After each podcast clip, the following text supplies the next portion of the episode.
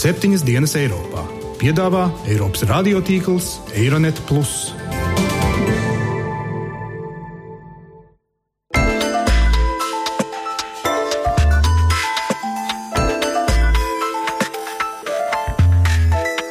Šonadēļ septiņas dienas Eiropā dzirdēsim. 1914. gada jūlijā sākās Pirmais pasaules karš. Це не гуманітарна допомога, це троянський кінь. Vladimirs Putins ir zaudējis realitātes sajūtu.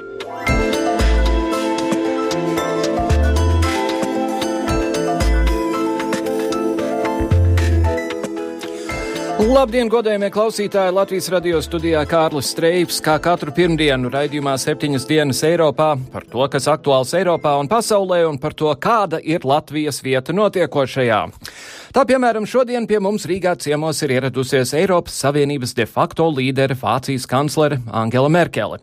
Kancleres vizīte Latvijā ir saistām ar sarežģītajiem starptautiskajiem notikumiem, un tādēļ Vācija pat laban vēlas uzklausīt sabiedroto reakciju par to, kas īsti notiek Krievijā un Ukrainā. Vizītes laikā Merkele visdrīzāk vēlēsies sabalansēt Baltijas valstu vēlmi pēc drošības, tā lai NATO karabāžu izvietošanas jautājums Baltijā nekalpotu par iemeslu tālākai konflikta eskalācijai. Tas ir īpaši tāpēc, ka vakarnakt Berlīnē notika Krievijas, Ukrainas, Francijas un Vācijas ārlietu ministru sarunas par Ukrainas krīzi, un top ziņots, ka it kā ir panākts kaut kāds progress. Vismaz visi klātesošie vienojās, ka vajagot vēlreiz sanākt, lai varot vēlreiz atkal censties vienoties. Par lielvalstu vienošanos Vācijas-Krievijas attiecībām Latvijas mazā bandinieka loma šajās spēlēs būs šīs dienas raidījums, toties atskatoties uz dažu, dažuprāt līdzīgiem notikumiem, kas norisinājās pirms simts gadiem. Vai ir iespējams saskatīt paralēlas starp šodien notiekošo un situāciju Eiropā pirms Pirmā pasaules kara, kurš tik tiešām sākās gandrīz precīzi pirms viena gada simta? Bet vispirms manas kolēģis Gitas Siliņas sagatavotais pēdējās nedēļas galveno notikumu atskats.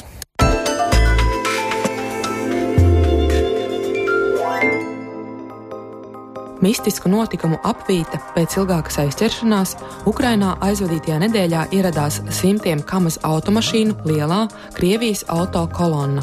Sūtīt humanās palīdzības kravu reģionam, kurā Krievija pati aizsāka karu, Ukrainas amatpersonas nodēvēja par cīnismu, stāsta Ukrainas parlamenta deputāts Oļegs Ļaško. Я вважаю, що це цинізм взагалі, коли Росія, яка розв'язала. Tas ir vienkārši ciniski, ka Krievija, kas pati sāka karu Donbasā, kur gāja bojā mūsu civiliedzīvotāji un kareivi, un grādi raķetes iznīcināja mūsu infrastruktūru, tagad sūta mums makaronus. Vai viņi cer mums iebarot melus? Tā nav humanitārā palīdzība, tas ir trojas zirgs. цієї гуманітарної допомоги. Це не гуманітарна допомога, це троянський кінь. Ukrainas varas iestādes bažījās, ka tā sauktā palīdzības misija var būt veids, kā nodrošināt Krievijas armijas pastāvīgu atrašanos reģionā. Bažas pastiprināja arī NATO ģenerālsekretārs Anders Foks Rasmussens, kurš ziņu aģentūrai Reuters sacīja, ka iespēja, ka Krievija iekaros Ukrainu humanitārās misijas aizsargā, šobrīd ir īpaši augsta. Ir ļoti augsta iespējamība. Mēs redzam, ka Krievi šai operācijai aizbildinās ar humanitāro operāciju. Mēs arī redzam militarizācijas pastiprināšanos, kas varētu tikt izmantot šādu nelikumīgo militāro operāciju veikšanai.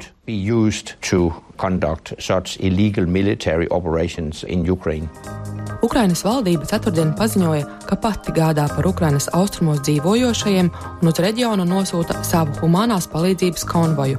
Valdības mājaslapā publicētajā ziņā norādīts, ka konvojs izbrauks no valdības kontrolētās Kievas, Dņepropetrovskas un Harkovas un dosies uz Luhanskas apgabalu.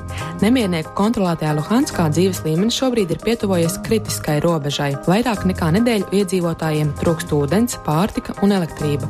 Apšaudēm turpinoties pārtrūkuši arī telefonu sakari. Reaģējot uz Krievijas agresiju, Ukrainas parlaments pieņēma plašu sankciju paketi pret Krieviju. Pieņemtais likums sniedz iespēju pieņemt 25 veidu sankcijas, tostarp arī ļauj ierobežot tranzītā caur Ukrainu pārvadāt Krievijas gāzi.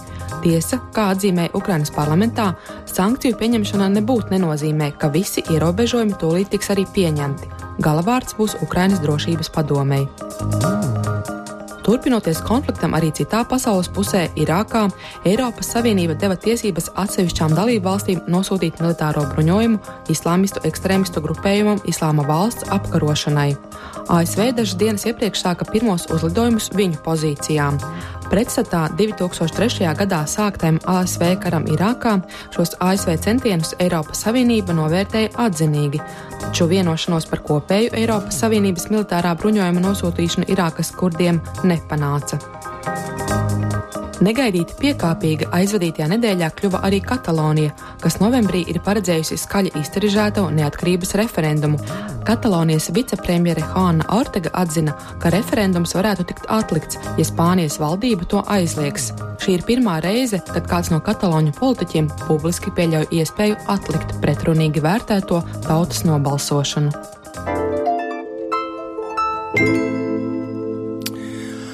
Nesen Vācijas avīzē Die Zeit bija eseja no vēsturnieka Jurija Pivavārova par to, kā Krievijā pat labam tiek revidēta vēsture, un es citēju.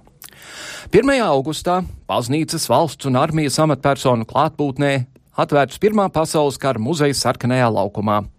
Putins cenšas ar šādiem projektiem apvienot Krievijas lielo trīs galvu puķi - carisko impēriju, padomju mantojumu un mūsdienu Rosiju krāšņā, jaunā Lielkrievijas vēstures interpretācijā.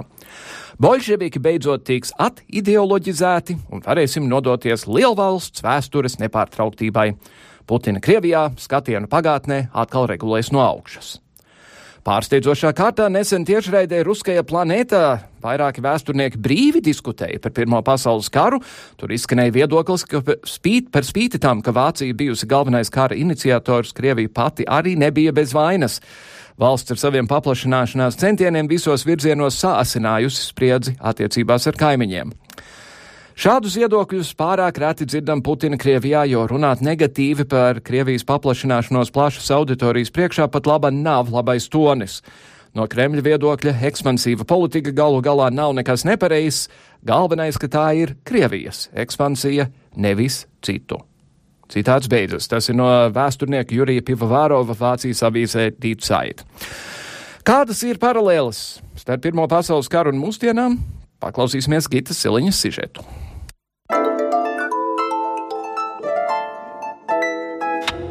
Pavasarī savā Eiropas parlamenta locekļu noslēguma runā zaļo līdzpriekšsēdētājs Denijs Konsbenits runāja par atziņām, ko no Pirmā pasaules kara notikumiem var gūt raugoties uz Eiropas šodienu un nākotni. Galvenais, kam Konsbendits emocionāli aicināja pievērst uzmanību, bija cīņa ar nacionālismu, nacionālo egoismu un galēji labējo ekstrēmismu, kas viņa prāt atstumj Eiropas valstis atpakaļ pagātnē un atstāja tās novājinātas bez jauniem spēkiem il y a des tendances hégémoniques en Europe. Nav tikai viena taisnība, nav tikai viena ideoloģija. Ja mēs to nesapratīsim, mēs nekad netiksim galā ar Eiropas veidošanu. Tikai kopā mēs varam risināt krīzes un citas problēmas. Mēs graujam to, ko vajadzētu veidot, kā skaidru redzējumu Eiropas nākotnē. Sociālā Eiropa ir nepieciešama jau tagad, vairāk nekā jebkad agrāk.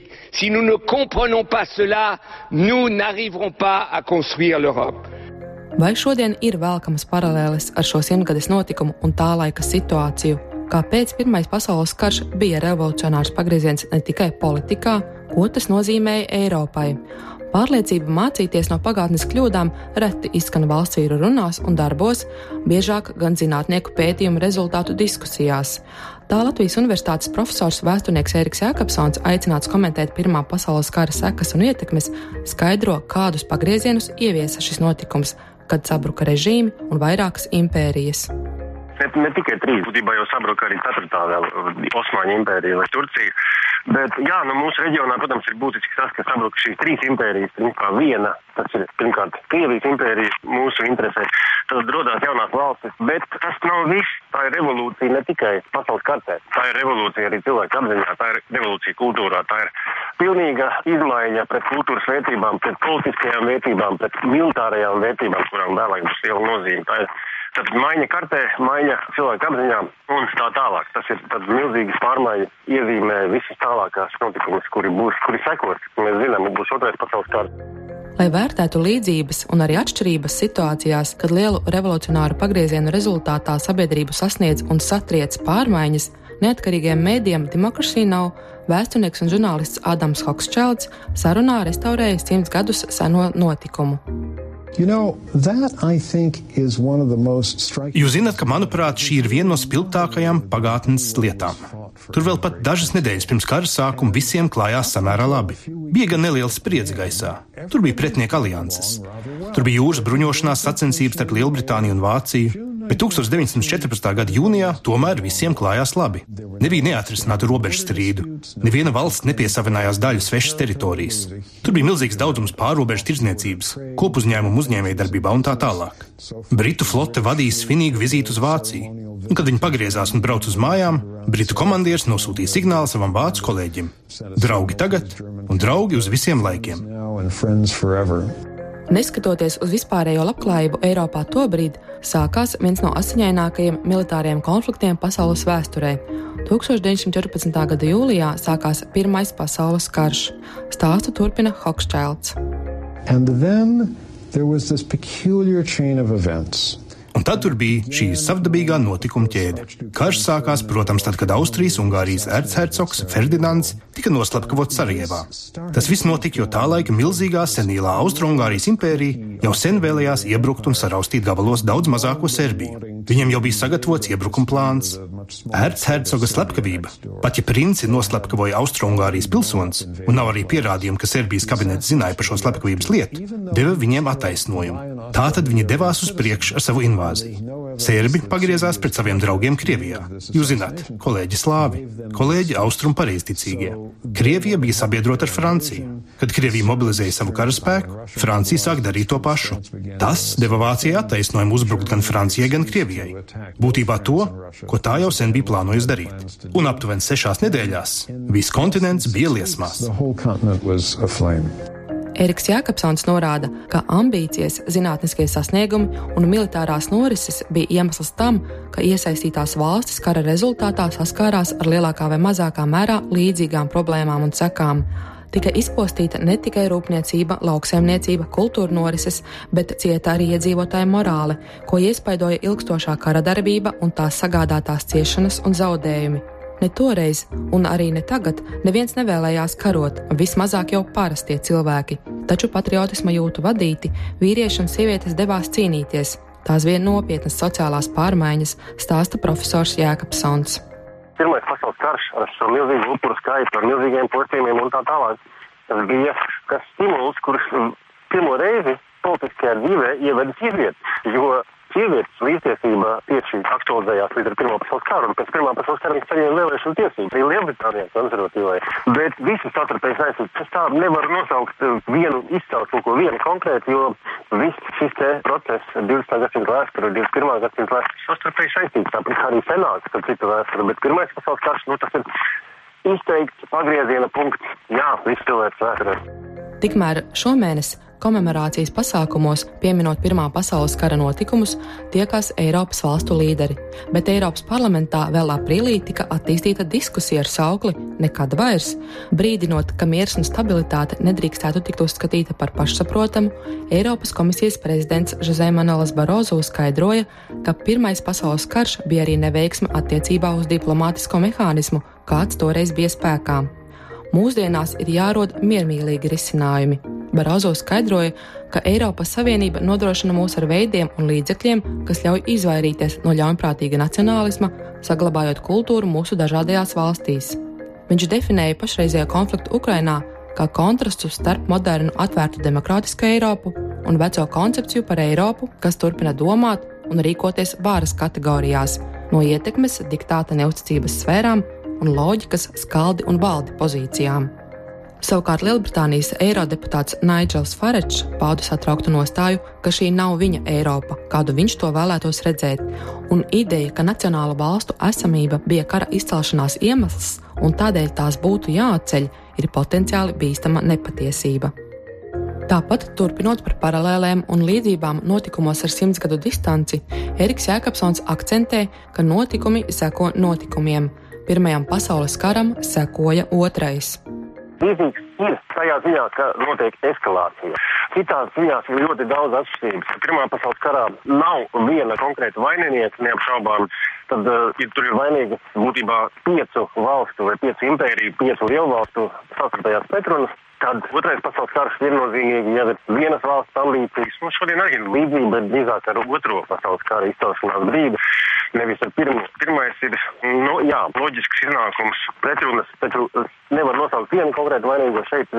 Vienkārši jāatzīm redzama vienas valsts ambīcijas, tāpat kā pirms otrā pasaules kara tās bija Vācija, šobrīd tā ir viena situācija. Nu, tās ir tās līdzības, ko es redzu. Lūk, sižets, kurā tiešām ir vielas ļoti daudz pārdomām. Protams, starp 1914. gadu un 2014. gadu ir gana lielas atšķirības, sākot jau ar to, ka 1914. gadā nebija televīzijas, nebija radio, nebija interneta un saziņa notika daudz, daudz reiz lēnāk nekā tas ir pat laban. Taču kādas atziņas no šī vēstures visasiņainākā konflikta derētu atcerēties šodien, un vai varbūt tomēr ir kaut kādas paralēlas starp tad, Un tagad par to parunāsim ar mūsu šodienas viesiem. Studijā ir uh, Latvijas kara muzeja galvenais pētnieks, vēsturnieks Juris Ciganovs. Labdien! Labdien! Un pie telefona ir kolēģis žurnālists Atis Klimovičs. Labdien! Uh, labdien! Aties, sākšu ar, ar, ar šo centrālo jautājumu. Vai ir paralēlis starp uh, tādu un tagad, it īpaši ņemot vērā to, ka vismaz cik es varu spriest, Krievija toreiz īpaši neatšķiras no Krievijas mūsdienās? Um, es šķiet uh, dzirdēju iepriekš runājam uh, uh, cienījamo vēsturnieku Jākapsonu, un es arī iepriekš uh, nedaudz par to domājot, uh, domāju līdz, līdzīgi, uh, kā viņš, kam uh, šī situācija uh, drīzāk atgādina nevis uh, brīdi, uh, laika posmu, pirms Pirmā pasaules kara, bet, bet uh, pirms Otrā pasaules kara. Nu, faktiski situācija bija tāda, nu, kā, kā zināms, ka uh, no kara uh, Vācija izgāja ar tādu apkaunojumu sajūtu. Un uh, šķiet, ka ir taisnība tiem uh, uh, vēro, politisko notikumu komentētājiem, kas uzskata, ka arī Krievija ir uh, kaut kādā ziņā faktiski uzrāda tādu uh, aizvainojuma uh, sajūtu, kura varbūt ir saistīta ar to, ka Krievija nu, nekādi beidzamo, nu jau vairāk kā 20 gadu laikā nav spējusi uh, nopietni pietuvoties attīstītākajām pasaules, proti, rietumu valstīm, un arī liela, liela daļa šīs valsts iedzīvotāju. Uh, faktiski rīkojās diezgan absurdi, jo aptaujās parādās, ka rietumu valstis, un tā skaitā Amerika ir viens no lielākiem ienaidniekiem, lai gan ļoti daudzi izvēlās savus bērnus izglītot tieši šajās valstīs, tā skaitā Amerikā, un arī, nu, kā saka, arī atpūšās paši un pērk mm -hmm. īpašumus tieši tur. Es domāju, ka situācija ir, ir līdzīga tam, kāda bija Vācija pirms otrā pasaules kara, un, un, un līdzīgas lietas ir vērojams arī šo, šobrīd ar Krieviju. Jā, nu, ja mēs to, ja to metaforu mēs nesam tālāk, tad mums sanāk tā, ka Krievija pat labam ir, ir Vācija, uh, Ukraina ir Polija, un atšķirīgais ir tas, ka toreiz momentā gandrīz visa pasaule tika ieraut iekšā visā procesā. Šoreiz tā tas nav. Uh, es gribētu teikt, ka, uh, nu, protams, mēs, mēs varam uh, skatīties, teiksim, atrast līdzīgo tajā, ka pirms otrā pasaules kara rietumi ne, nes, nespēja laikus iejaukties situācijā, varbūt nopietni pasargāt, no, no, pasargāt Čehiju tādējādi iespējams, nu, nu, nevis iespējams, bet visticamāk no, notikumi arī kaut kā virzītos savādāk. No vienas puses ir tā, ka arī šobrīd, uh, šķietami redz, redzot to, kas notiek, un li, liktos, ka um, nu, tas būtu uh, vien, viens piedāvājums rietumiem būt uh, daudz enerģiskākiem, uh, atbildēt uz Ukraiņu uzaicinājumu sniegt uh, nevis tikai politisku, bet arī militāru palīdzību. Un var, var, var būt, ka tas uh, pa, pašreizējo agresoru apturētu tur, kur viņš ir.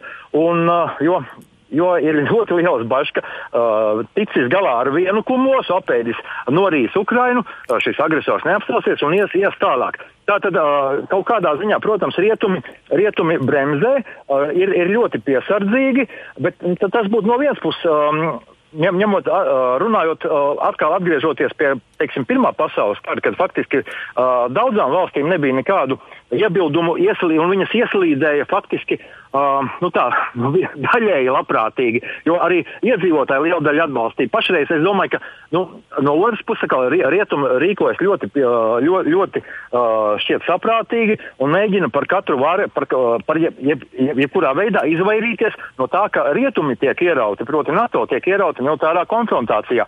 Es domāju, ka um, Jā, iespējams, ka to gaida Krievija, um, kura šobrīd ar uh, Putinu priekšgalā ir gatava uh, drīzāk līdzināties Ziemeļkorejas modelim, kas faktiski visus uh, iedzīvotājus nostādītu vienā ierindā, pilnībā pārietu uz, uz, uz militāru ražošanu, ražotu daudz vairāk uh, tanku un, un, un uraganu un gradu iekārtu. Jā, tā kā var, varbūt tas ir tas, tas ir tas, kas Putinam vajadzīgs. Un, Un varbūt no šī, teiksim, no skatu punkta raugoties, rietumi rīkojas pareizi. Bet vai tādā gadījumā vai ir iemesls mums sākt drusku bažīties par to, ka ar laiku tas tiešām kļūs par lielu, lielu daudz lielāku konfliktu un iespējams pat trešo pasaules karu? Um, ne, nu, kurā gadījumā uh, šis ir jautājums, uz kuru vajadzētu atbildēt kādiem uh, pieciem, sešiem universitātes profesoriem uh, no, no, noteikti kopā. Um, es, es domāju, ka uh, skatoties no Latvijas un, un vērojot to, kā beidz, beidzamā faktiski nu, kādu 4-5 mēnešu laikā, ko ir, kā ir rīkojušies, ar kādiem paziņojumiem klajā nākuši un kādus nākotnes plānus skaļu šobrīd NATO vadība, es domāju, ka uh, Viņi diezgan, diezgan arī beidzamais NATO virspavēlnieka paziņojums par to, ka atbilde būs pret iespējamiem zaļiem cilvēciņiem ļoti barga. Es domāju, ka tas ir diezgan atvēsinoši. Un, uh, man šķiet, ka NATO ģenerāļi rīkojas daudzus soļus ātrāk nekā uh, Eiropas Savienības politiķi. Mm -hmm. Un var, varbūt tas ir ļoti pareizi. Un, un, un tieši šajos šādā aspektā arī Latvijai uh, vajadzētu rīkoties daudz enerģiskāk, izdarīt daudzas lietas savā aizsardzībā, tās, kas ir diemžēl kļūdaini. Es domāju, ka tas ir cits raidījuma jautājums. Ir izdarītas nepareizi, bet uh, no, no, no, ar, ar visiem spēkiem rūpēties par to, lai mēs būtu normāla NATO sastāvdaļa. Es domāju, ka uh, militārajā jomā ir ļoti daudz trūkumu. Un tā kā es, es domāju, to vajadzētu novērst, bet uh, runām par trešo pasaules karu, es domāju, ka tās tās pagaidām pārspīlētas. Uh mhm. -huh. nu, no žurnālistu mutes, tā teikt, ģenerāļa ausīs. Atis Klimovičs, paldies jums par sarunu! Jā, paldies! Atgādinu studijā ja kara muzeja galvenais pētnieks vēsturnieks Juris Cigānovs. Par, sāksim ar, ar to pašu tēmātu. Ko, vai jūs saredzat kaut kādas paralēlas šajā lietā? Uh, vēsturē paralēlas vilkt ir diezgan nepateicīga nodarbošanās, tāpēc, ka, kā saka, ka vēstures galvenā mācība ir tāda, ka no tās negūst nekādu mācību parasti. Mm, protams, ir zināms paralēls var vilkt, bet um, neapšaubām, ka katra situācija tomēr ir savā ziņā unikāla. Un, um, jā, nu, te izskanēja runas par to, ka um, situācija šodien vairāk atgādina situāciju pirms otrā pasaules kara, kas, protams, ir pirmā pasaules kara, nu, ja tā varētu teikt, turpinājums. Uh, Pirmajā pasaules karā, jā, šie, pirmajā pasaules karā bija zināmas pretrunas starp lielajām pasaules valstīm, kas tātad kulminēja kā lūk šī lielā kara darbība, kuru jā, visa pasaule negaidīja, ka tā būs tāda, ka tā būs tik ilga, ka tā būs tik tehnogēna, tehnogēniski nogalinoša. Tur ir jaunās tehnoloģijas parādījās un, un, un cilvēku iznīcināšanas visādas uzparīktas, kas pirms tam nebija, nebija pat prātā nācis, kad karš būs kaut kad 5-6 gadi. Visi domāja, ka tur līdz rudenim viss būs atrisināts. Un, Otrajā pasaules karā tomēr bija divas agresoru valstis. Es, es uzskatu, ka bija divas, un nu, tā, tādas arī bija. Tā bija Padomju Savienība un Vācija, kas savā starpā. Plus vēl Japāna. Uh, tas, tas, jā, jā, tas bija tur drusku tālāk, varbūt tās mēs viņu parasti aizmirstam, jā, bet, bet mm -hmm. protams, uh, it sevišķi, ja runā par Amerikas Savienotajām valstīm, tad, protams, galvenā galvas sāp bija, bija tieši Japāna, amerikāņiem. Un visām tām valstīm, kuriem bija kaut kāds intereses klusajā okeānā. Mm -hmm. Bet, bet nu, mēs jau, protams, tā vairāk runājam gan par Padomju Savienību un par, par uh, Vāciju. Uh, šī, šo divu būtībā sabiedroto valstu rezultātā arī sākās gal galā Molotov-Ribbentrop pakts, sadalīt Austrumēropu un tālāk jau tur sākās arī viss tas, kas attiecās uz mūsu reģionu.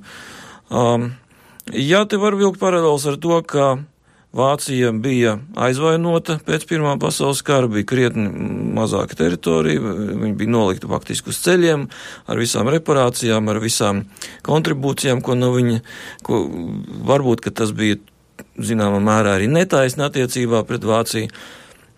Es domāju, ka pēc Padomju Savienības sabrukuma un krietni teritorijas uh, samazināšana arī Krievija jūtās um, tāpatās. Lai gan Krievija kā tāda neko nezaudēja. Jā, bet, bet nu, jeb, jebkurš, jebkurš normāls Krievijas, ja tā varētu teikt, jebkurš normāls Krievijas iedzīvotājs, protams, kas sev asociē ar Padomju Savienību. Mm -hmm. Krievija, tā ir, Padomju Savienība, tā ir tā pati Krievija. Nu, tā vismaz runājot ar cilvēkiem no turienes, tas, tas nu, ļoti daudziem, daudzos izskan -hmm. šāds te viedoklis. Un līdz ar to, protams, ka šis aizvainojums par to, ka mēs esam tagad, mēs bijām vareni, tagad mēs neesam nekas, mēs, mums jāatgūst šī te mūsu varenība. Uh, pavisam nesen es arī runāju ar vienu cilvēku no, no, no Krievijas provinces, ar universitātes viens mācības spēku. Izglītots cilvēks, erudīts, bet tā izdomāšana bija taisna tāda pati. Mēs atgūstam savējo šobrīd.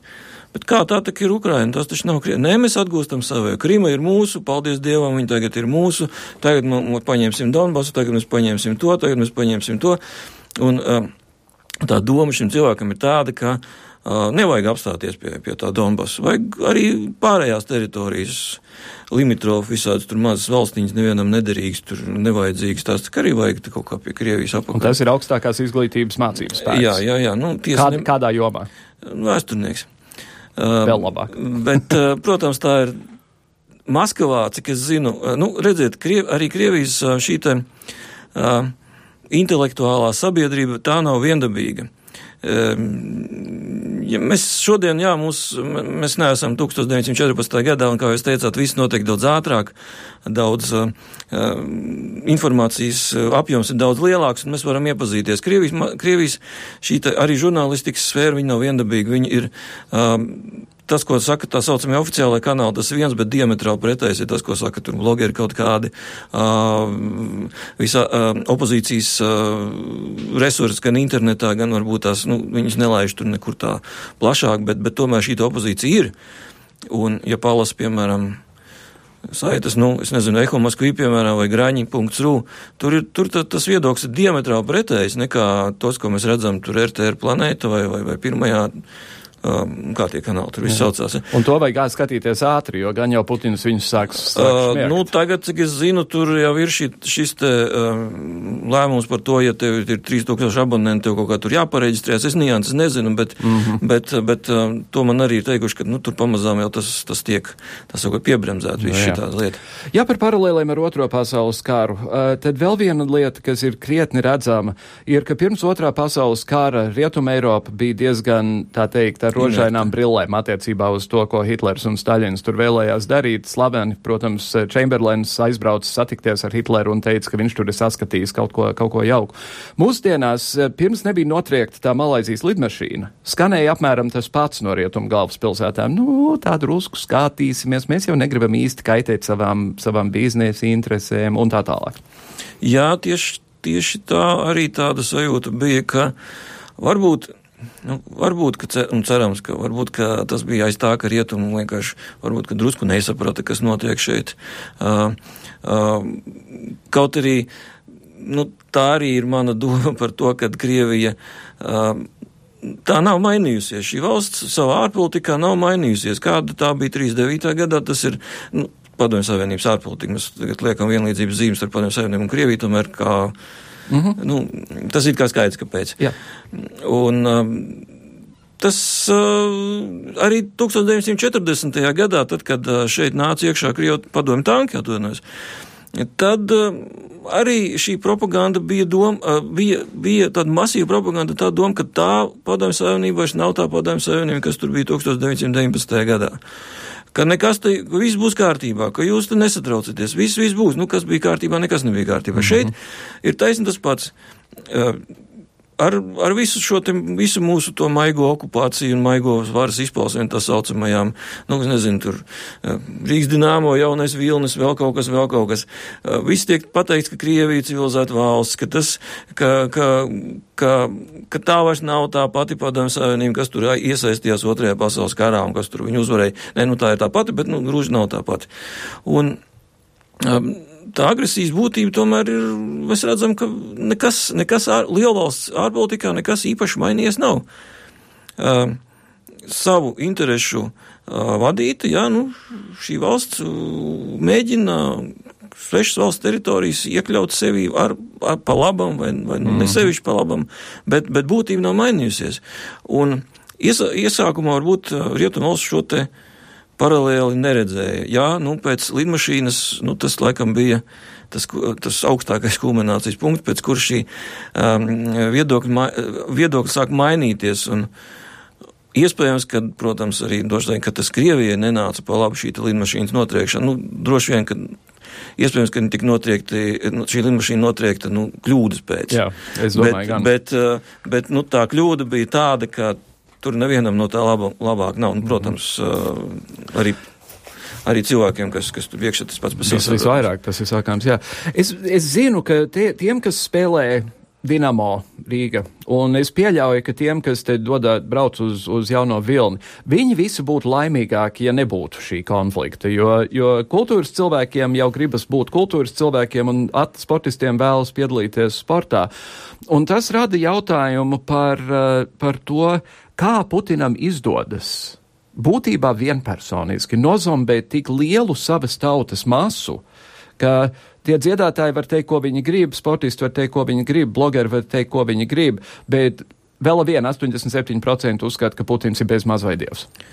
Nu, redziet, es to varu komentēt tādā veidā, ka uh, aprīļa sākumā es divas nedēļas pavadīju Maskavā uh, saistībā Latvijas-Krievijas vēsturnieku komisiju, un uh, nu, mēs, mani kolēģi, dzīvojām tālavā, tas ir mūsu vēstniecības teritorijā, bet nu, tur laiks, laiks bija ļoti augsts, snigas sniegs, darīt īsti nebija ko, un mēs pa vakariem mēs sēdējām un skatījāmies televizoru. At, nu, tur, tur varēja redzēt tikai tos Krievijas oficiālos mm -hmm. kanālus. Un redziet, un es neatceros, kurš tas televīzijas kanāls bija, bet reiz sākās notikumi Doņetskā. Uh, nu, Krīma jau bija beigusies, it kā tur jau bija pievienojusies Krievijai, viss bija kārtībā.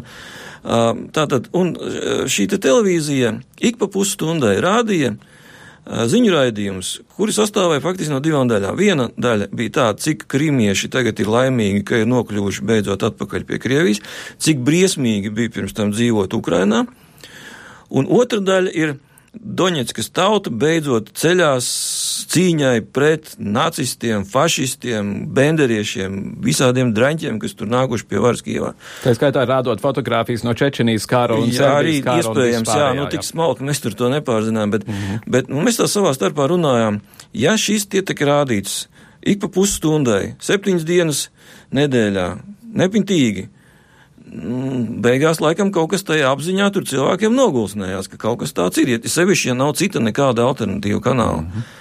Šajā kontekstā jūs neesat mediju speciālists, bet tomēr tā nauda, ko valdība tagad ir tā ugunsdzēsēja režīmā paredzējusi, lai Latvijas radio un Latvijas televīzija varētu sākt uzrunāt Krievus un viņiem teikt, ka nē, nē, nav tas, ko jūs redzat uz, uz pirmās programmas, tas nav tā. Tur var kaut kas sanākt, jūsuprāt? Nu, cerēsim, ka tur kaut kas sanāks, bet man liekas, ka tas ir stipri iekavēts. Tas to vajadzēja darīt krietni agrāk. Un mm, sāksim ar to, ka Latvijai man šķiet, ka nacionālās ideoloģijas nekādas šobrīd nav. Tāpēc, ka nu, nacionāla ideoloģija mums sastāv no tādām vairākām sastāvdaļām, no kurām viena ir, piemēram, vēsturiskā atmiņa, bet uh, nu, nav, nav noslēpums, ka, mūsu sabiedrībā ir divas vēsturiskās atmiņas, kas savā starpā, nu, nevarētu teikt, ka kluži konfliktē, bet nesatiekās. Un um, valsts ar divām vēsturiskajām atmiņām, nu, tā ir sašķelta sabiedrība un sašķelta valsts tomēr. Tā kā šajā jomā, protams, ka kaut ko vajag darīt, un jo ātrāk, jo labāk, un nu, cerams, ka tas, ka kaut kādus augļus tas nesīs. Mm. Kas pie jums nāk uz kara muzeja? Krievu turisti arī nāk apskatīties? Jā, nāk, nāk, jā. Un krievu turisti ir tie, kas kā reizi aktīvi interesējās par vēsturi. Nu, protams, cits jautājums, ko viņi ar to visu saprot un kā, bet, bet nāk. Mm -hmm. Un jums ir jūs esat drusku kaut kas cits nekā okupācijas muzejs. Mm, nu, jā, mēs esam drusku kaut kas cits, jā. Tur akcents vairāk uz 20. gadsimtu, uz šiem mūsu traģiskajiem notikumiem. Mums ir akcents arī uz uh, Latvijas brīvības cīņām un, un, un mūsu, ne, mūsu neatkarību nodrošinošo sistēmu, drošības sistēmu un aizsardzības spēkiem. Nu, tādā griezienā. Jums arī kaut kur ir pie sienas liels, liels uh, transparents, kurā ir rādīts tas līgums, kas bija starp Padomju Krieviju un Latviju par mūžīgiem laikiem. Jā, ir ir pats līgums ielikts, jā, protams. jā. Labi, arī jums pēdējais jautājums. Kā, kā jūs prognozējat, kas te notiks tālāk? Vai, vai šī situācija eskalēsies līdz kaut kādai bija tiešām bīst, nu, pat labi, jau viņi ir uz bīstams robežas laikam, bet eskalēsies vēl tālāk vai tomēr atradīsies kaut kāds risinājums? Um. Manā, manuprāt, ir diezgan grūti šobrīd prognozēt, kas notiks tālāk. Tur man šķiet, ka vairāk tādu scenāriju var būt, kas, kas ir, nu, jā, protams, jebkurā gadījumā mums jāuztraucās par to, kas, kas tur notiek pie, pie jebkura scenārija. Bet uh, viens, uh, nu, tas viens scenārijs ir, kad uh, Ukraiņi sekmīgi pabeidz šo pretteroristisko operāciju un atbrīvo savu teritoriju no visiem iekšējiem un ārējiem ienaidniekiem. Varbūt otrs scenārijs ir, ka Krievija redzot, ka neizdodas realizēt savas intereses, vienkārši šos cilvēkus pamet, jo ir, tak, ir taču ziņas par to, ka Uh, Ukraiņu izlūkdienas to bija paziņojis, ka viņiem ir ziņas par to, ka Krievija taisās fiziski uh, iznīcināt šos separātistu vadoņus, nu, lai gadījumā viņi kaut ko tur droši vien nepasaka kaut kādam, mm -hmm. kaut ko nevajadzīgu. Un nevēl tas Kreitkovs sāk pagājušajā nedēļā runāt par to, ka Krievija atceries, Krievija savējos nepamet. Jā, jā, jā, bet, nu, kā es jau vienreiz rakstīju vienā laikrakstā, tad Strelkovs pēc izglītības ir vēsturnieks, un uh, noteikti, ka viņš kaut kādas vēstures mācības kaut, kaut kur viņam tur ir tas tā atmiņā nogulst. Tā skaitā pa kurs. Kursu. Uh, arī tā skaitā, jā, jā, jā. Un par kara gūstekņiem otrajā pasaules karā, ko padomju savienība vienkārši pamet. Uh, tā kā tas ir tas, ir tas scenārijs. Droši vien, ka ir vēl kādi dažādi scenāriji, bet, nu, cerams, ka līdz tiešām līdz kaut kādam lielākam globālam konfliktam tas nepāraugs, jo pasaules sabiedrības reakcija šobrīd ir drusku savādāk nekā 39. gadā un 40. gadā un 41. gadā. Un ar Tomēr vēl viens pēdējais jautājums. Ar, ar visu to, kas pat labi notiek paš, pašā Krievijā, tā skaitā tukši plaukti un apspiesti mediji un tā tālāk, vai ir kaut mazākās pazīmes, ka Krievu tautā sāk gruzdēt kaut kāda tomēr nepatīk par to, ko cars dara? Es teikšu tā, gruzdēt šī nepatika, um, gruzd jau tā ilgi, bet noteiktā cilvēku slānī. Tas ir tas, um, tas ir tie, nu, vienmēr Krieviem šī, tie, šie, tā kā viņi saka, nožēlojumā inteliģence ir bijusi opozīcijā varai. Um, nevienmēr šī cilvēki zinājuši, ko darīt, ja, bet, bet opozīcijā varai tomēr tā, tā ir. Par pārējiem nu grūti pateikt. Es domāju, ka šobrīd vēl nē. Nu, ja, tā, ja jūs prasat manas domas, tāpēc, ka, lūk, es mm -hmm. minēju piemēru šo cilvēku savu paziņas no, paziņu no, no, no, no tālas ziemeļu pilsētas viens, viņam nebija ne mazākās um, nepatikas pret to. Viņš saka, ka visu, visu viņš dara pareizi, viss, viss notiek, mēs tagad ēdīsim savējās šprotas un nevajag mums jūsu šprotas. es nopūšos. Uh, Juris Cigānovs, Latvijas kara muzeja galvenais pētnieks. Paldies jums par sarunu! Pagājušo nedēļu vairāki kultūras jomas, joma pārstāvji jau minētajai kanclei Merkelei nosūtīja atklātu vēstuli ar lūgumu atbalstīt NATO bāzu izveidi Baltijā un Austrum Eiropā. Kultūras darbinieki uzsver, ka morāli, tostarp politiskā morāli, tomēr nav lēšama naudas izteiksmē, un finanšu rādītāji nedrīkst būt nozīmīgāki par Eiropas valstu drošību. Robežu un vēstures pārrakstīšana nav akceptējama nec Krimā, nec Ukrainā, nec Eiropā, un tādēļ septiņas dienas Eiropā palūdz vēstules galveno iniciatori, dzīvnieci Lijānu Langu komentēt. 13. augustā, atceroties to, ka pagājuši 75 gadi kopš Molotova-Rībbentropa pakta parakstīšanas, Latvijas sabiedrības pārstāvji Vācijas kanclerei Angelai Merkelei un Vācijas politiskajai vadībai nosūtījuši vēstuli ar aicinājumu atbalstīt NATO bāzu izveidi Baltijas valstīs un Austrumēropā. Vēstuli sagatavojusi dzēniece un publiciste Liāna Langa, bet to parakstījuši 30 Latvijas sabiedrībā pazīstami un cienījami cilvēki. Krievijai uzsākot Ukrainai piedarošās Krimas pussalas okupāciju ar jaunās paudzes kara metodēm, jūs, Merkels kundze, publiski paziņojāt, ka Krievijas prezidents Vladimirs Putins ir zaudējis realitātes sajūtu. Baltijas valstīs jau vairākus gadus notiek Krievijas īstenots informācijas karš ko Baltieši izjūt tik uz soļa. Milzīgie līdzekļi, kuri šajā informācijas karā tiek ieguldīti, netiek taču izlietot bez noteikta mērķa. Apdraudējumu Baltijas valstu drošībai ir atzinušas visu triju valstu politiskās elites, velkot paralēlus ar Austrijas inkorporāciju Trešajā reihā 1938. gadā, kā arī 1939. gadu, kad divas totalitāras lielvaras vienojās par Eiropas sadalīšanu. Šodien Baltijas politiskais spēks un garantija pret Krievijas agresiju ir atrašanās Eiropas Savienībā un NATO.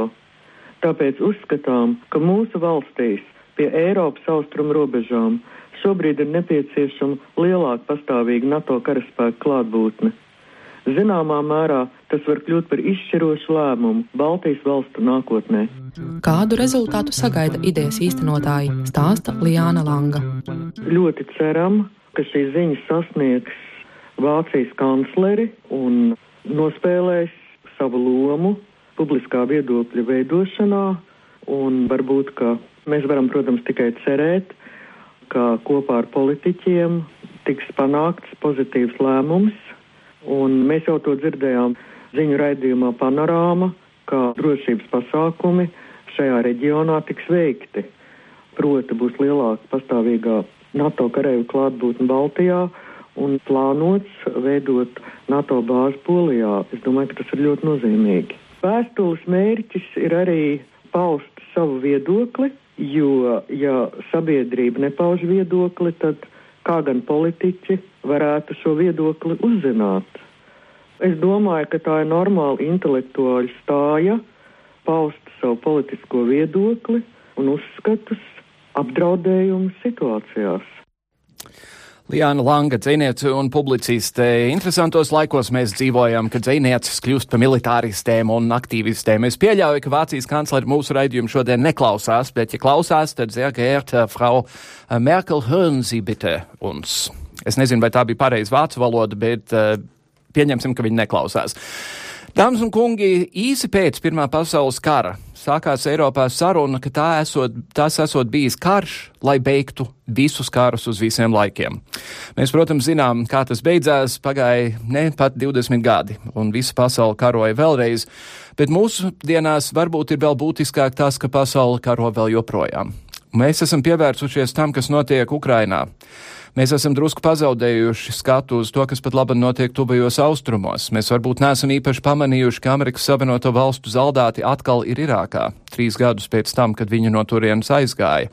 Mēs varbūt neskatāmies tik daudz uz to, kas notiek Izrēlā un Gazā. Latvijai ir svarīgi atcerēties, ka mēs esam starptautiskas kārtības dalībnieki un ka arī mēs varam tur tikt ievilkti, ja mēs neesam piesardzīgi un uzmanīgi. Un katrā gadījumā mūsu interesēs nav vēl viens karš, neviena interesēs nav vēl viens karš un cerēsim, ka tāda arī nebūs. Ar to arī izskan mūsu raidījums šonedēļ. Nākamnedēļ mēs droši vien par godu Merkeles kundzes vizītei Latvijā runāsim par Latvijas un Vācijas attiecībām šajā raidījumā. Paldies, ka šodien klausījāties. Līdz citai reizei visu labu!